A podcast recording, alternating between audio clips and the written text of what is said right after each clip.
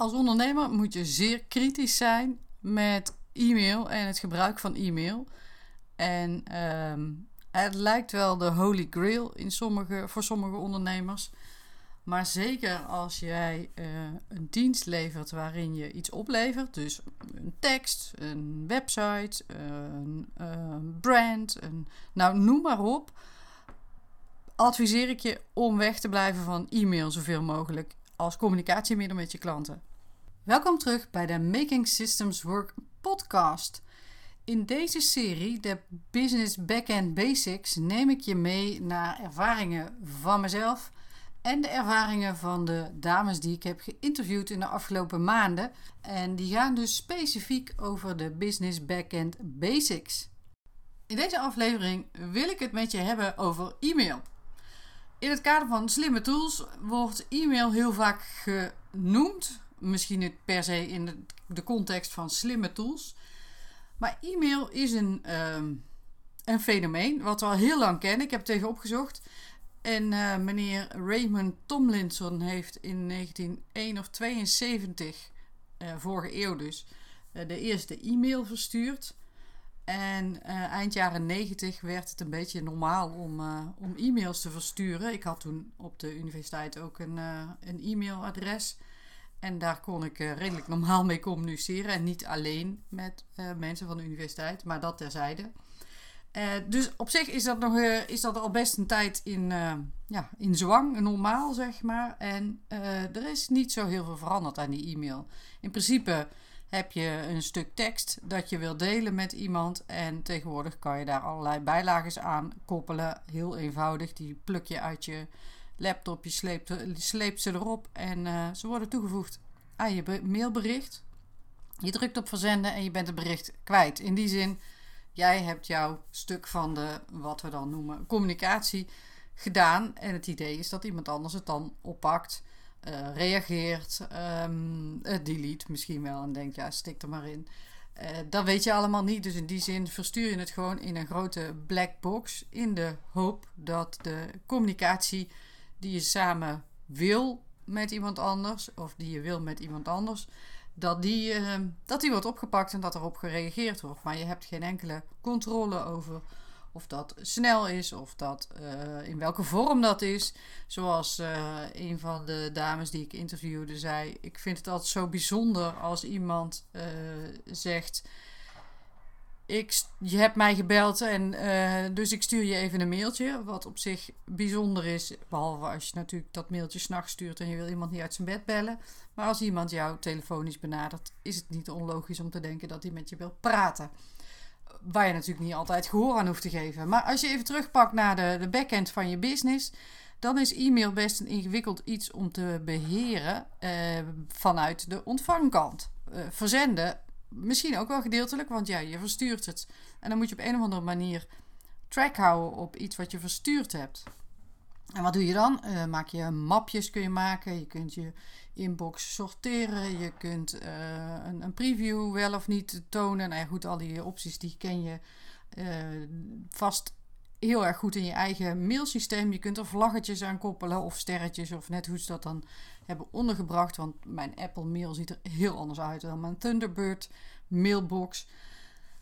Um, maar kortom, eh, e-mail lijkt fantastisch, maar de vraag is of het dat zo is. En de vraag stellen is een beantwoorden. Ik vind dus van niet. Ik vind e-mail, zeker als je het zakelijk ziet, en de toepassingen, want ik zal er een paar aanhalen, toepassingen die de uh, geïnterviewde ondernemers hebben voor e-mail, is het uitwisselen van huiswerk. En ik quote, uh, nou ja, ik haal dit uit de, uit de interviews. Uh, huiswerk ontvangen van klanten. Ehm, klanten die input leveren voor bijvoorbeeld een website of een blog of een, een programma wat ze, wat ze willen op laten zetten in een online training. Misschien wel taken die uitgevoerd moeten worden door een VA. Ehm, gastbloggers die teksten aanleveren voor je website. Kortom, e-mail wordt heel veel gebruikt en daar lijkt niet een heel duidelijk beleid op te zitten bij de meeste ondernemers. Wat het heel onhandig maakt, omdat um, Nee, laat ik het anders zeggen. Een van mijn klanten gaf aan dat ze ehm, in haar e-mailbox zo'n beetje omkwam. En dat kwam omdat ze sowieso heel veel e-mails bewaarde. En dus uh, daar kun je op afdingen natuurlijk. Maar ook dat ze dus eigenlijk niet een heel handig systeem had om uh, uit informatieuitwisseling die ze had met haar klanten, opdrachtgevers, om die op een handige manier weer terug te halen als dat een jaar of anderhalf jaar of misschien soms wel twee jaar daarvoor had plaatsgevonden en ze had daar weer input uit nodig.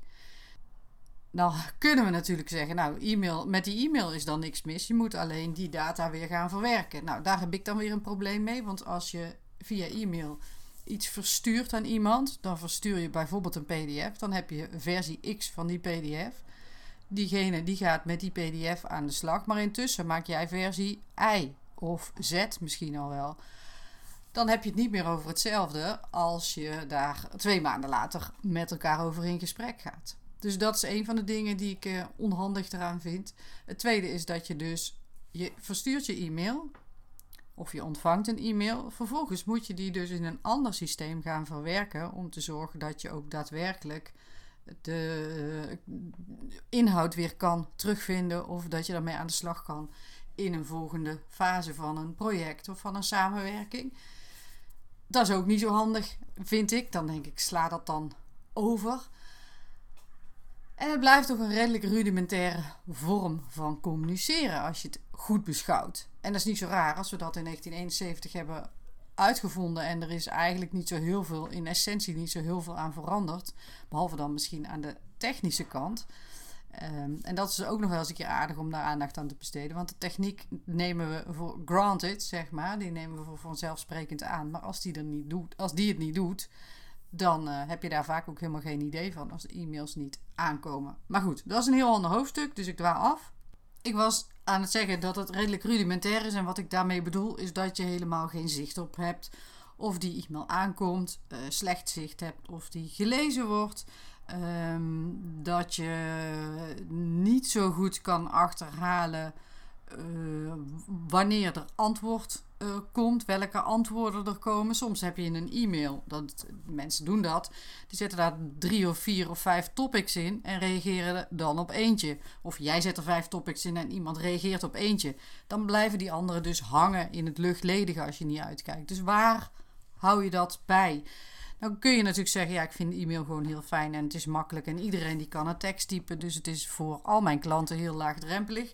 En toch vraag ik me af of je daar dus je klanten en jezelf een dienst mee bewijst als je zelf een uh, dienst levert waar je input van klanten ook echt nodig hebt op enig moment en wil kunnen nagaan of die input ook is aangekomen. Je wil met elkaar kunnen toetsen of dat de juiste input uh, verwerkt wordt. Dus in die zin denk ik, zodra je um, diensten levert waarbij je iets moet maken, in feite één op één aan met klanten werkt. Want bij business coaches die heel vaak in groepen werken, gaat, gelden natuurlijk. Nou ja, er geldt misschien wel hetzelfde in het aanlooptraject, maar die hebben heel veel, vaak maken die gebruik van communities. En of dat nou een Facebookgroep is of een ander soort van community software zoals de Huddle, dat maakt er niet zoveel uit. Daar proberen ze die communicatie te centraliseren. Um, ook bijvoorbeeld een van de dames die ik geïnterviewd heb, Kimberly van Tol, die heeft een online uh, leeromgeving en daar zit een community in. En die community wil ze gebruiken om te communiceren ook met haar uh, klanten. En ze zegt, nou, dat vraagt wat tussen aanhalingstekens opvoedwerk. Maar dat helpt wel ontzettend, want je weet altijd waar alle input te vinden is. Want ik heb het nu over e-mail, maar er zijn ook mensen die die laten klanten communiceren via e-mail, via WhatsApp en allerlei andere kanalen waarvan je denkt, ja, uh, misschien wel DM, eh, LinkedIn. Dus zo kun je een ontzettend breed, in ogenschijnlijk gebruiksvriendelijk zijn door heel veel mogelijkheden te bieden, waardoor het heel snel het risico loopt om een zooitje te worden, tenzij je er heel veel uren in steekt om al die informatie weer ergens ja, te structureren, te organiseren. Nou weet ik natuurlijk niet wat voor business jij hebt. Maar als jij um, een dienst levert waar jij voor klanten iets maakt. In de zin van afbeeldingen, video's, uh, teksten. websites, online academies, wees dan heel kritisch op het gebruik van e-mail. Dat is eigenlijk mijn bottom line boodschap. En mocht je nou denken, ja, maar mijn klanten, die krijg ik echt niet zo ver. Daar heb ik geen tijd voor, geen zin in of uh, nog allerlei andere redenen. Dan wil ik je even het volgende meegeven. In de jaren 90 en begin van deze eeuw tot, een jaar, tot 2010, 15 heb ik gewerkt in ziekenhuizen. En zorgprofessionals, met name dokters, zijn niet de meest makkelijke mensen om mee te werken, laat ik het zo zeggen. Uh, in die zin dat zij hadden een free format papieren stapeltje met formulieren en uh, lege blaadjes met lijntjes. En zij maakten daar hun eigen dossier van. In de, nou ja, tot, laten we zeggen tot 2010. En uh, toen kwam ik en moesten we gaan digitaliseren. En dat kon allemaal niet, want ze moesten hun eigen nuance kunnen opschrijven. Ze moesten de teksten, uh, de woorden kunnen kiezen zodat het uh, duidelijk was wat er precies bedoeld werd. En dat was dan met name voor henzelf voor future reference. En zeker voor die dokters die alleen maar met afkortingen werkten, was het natuurlijk heel ingewikkeld om uh, over te dragen aan hun collega's. Wat natuurlijk wel moet, omdat iemand toch niet 24-7 aanwezig kan zijn. Dat is niet goed voor de zorg, het is niet goed voor de kwaliteit. Um, dus daar werd gezegd: nee, dat kan absoluut niet. En dat is natuurlijk een sector waar de autonomie, de professionele, autonomie van zowel de uh, dokter als andere professionals uh, heel belangrijk, heel gevoelig lag. Uh, ik zeg lag, nu nog wel een beetje denk ik, maar het is in ieder geval minder. Um, en toch, toen ze eenmaal om waren, in die zin dat ze allemaal opgeleid waren, gewend waren, gedigitaliseerd waren, was er geen één die zei: Doe mij maar weer terug naar papier. En uh, we hebben daar concessies gedaan aan dat free format. Er zijn dingen ge, gestandaardiseerd. En er zijn stukken vrije tekst ge, aangeboden. Maar dat vrije tekst, ja, dan word ik secretaresse en dan moet ik gaan typen. Er waren ook allerlei bezwaren tegen. En waarschijnlijk wel terecht. Maar je ziet dus dat dat heel spaarzaam gebruikt wordt voor echt toegevoegde waarde toevoegen. En niet zozeer voor, nou ja, laten we zeggen, uh, uitbundig beschrijven hoe een bepaalde casus uh, in elkaar zit.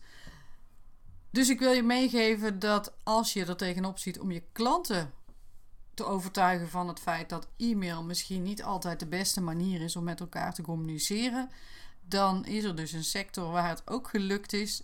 Um, en, en misschien helpt je dat als je voor je eigen bedrijf de keuze maakt van wacht even, e-mail gaat ons, kost ons te veel en levert we leveren in op kwaliteit doordat we dingen missen, doordat we veel te lang te zoeken als, als team of ik als, als, als eigenaar naar uh, informatie. Dan is het een kwestie van tijd, van volhouden en ook van uitleggen dat e-mail in sommige gevallen fantastisch is en in andere gevallen gewoon echt mindere resultaat, tot mindere resultaten kan leiden of tot een langere doorlooptijd van de projecten. Nou, Hierbij wil ik het afsluiten. Ik ben natuurlijk ontzettend benieuwd wat jij hiervan vindt. En um, laat me dat gerust weten. Mocht je nou denken: hey, hier heb ze wel een punt. En uh, je wil met me in gesprek. Ik heb uh, een traject één op één relaxed groeien. En dat, daar nemen we dit soort aspecten allemaal mee. Wat zijn nou de handigste softwarepakketten om te implementeren in jouw bedrijf met jouw doelgroep, met jouw business, uh, jouw product of dienst. Helemaal op maat. En daar, uh, daar kun je het dus met mij over hebben als je denkt, hé, hey, dat is interessant. Misschien is dat wat voor mij. Dat, uh, dan kun je een gesprek plannen. En de link voor het gesprek vind je in de show notes. Of je gaat naar makingsystemswork.nl en daar vind je een, grote blauwe knop op de website Plan een gesprek. Tot slot, nog één dingetje. Mocht je nou denken, hey, dit was een wel een waardevolle uh, aflevering, deel hem dan gerust in jouw netwerk. En als je de tijd neemt om uh, even een korte review achter te laten, dat is een klikken op vijf, sterren op Spotify of op je, in je Apple Podcast app, dan zou ik dat helemaal tof vinden. Je mag me ook een DM sturen via LinkedIn of Instagram. En dat was het voor nu. Heel graag tot de volgende aflevering. En ik wens je een fijne dag, avond, middag, nacht. whatever.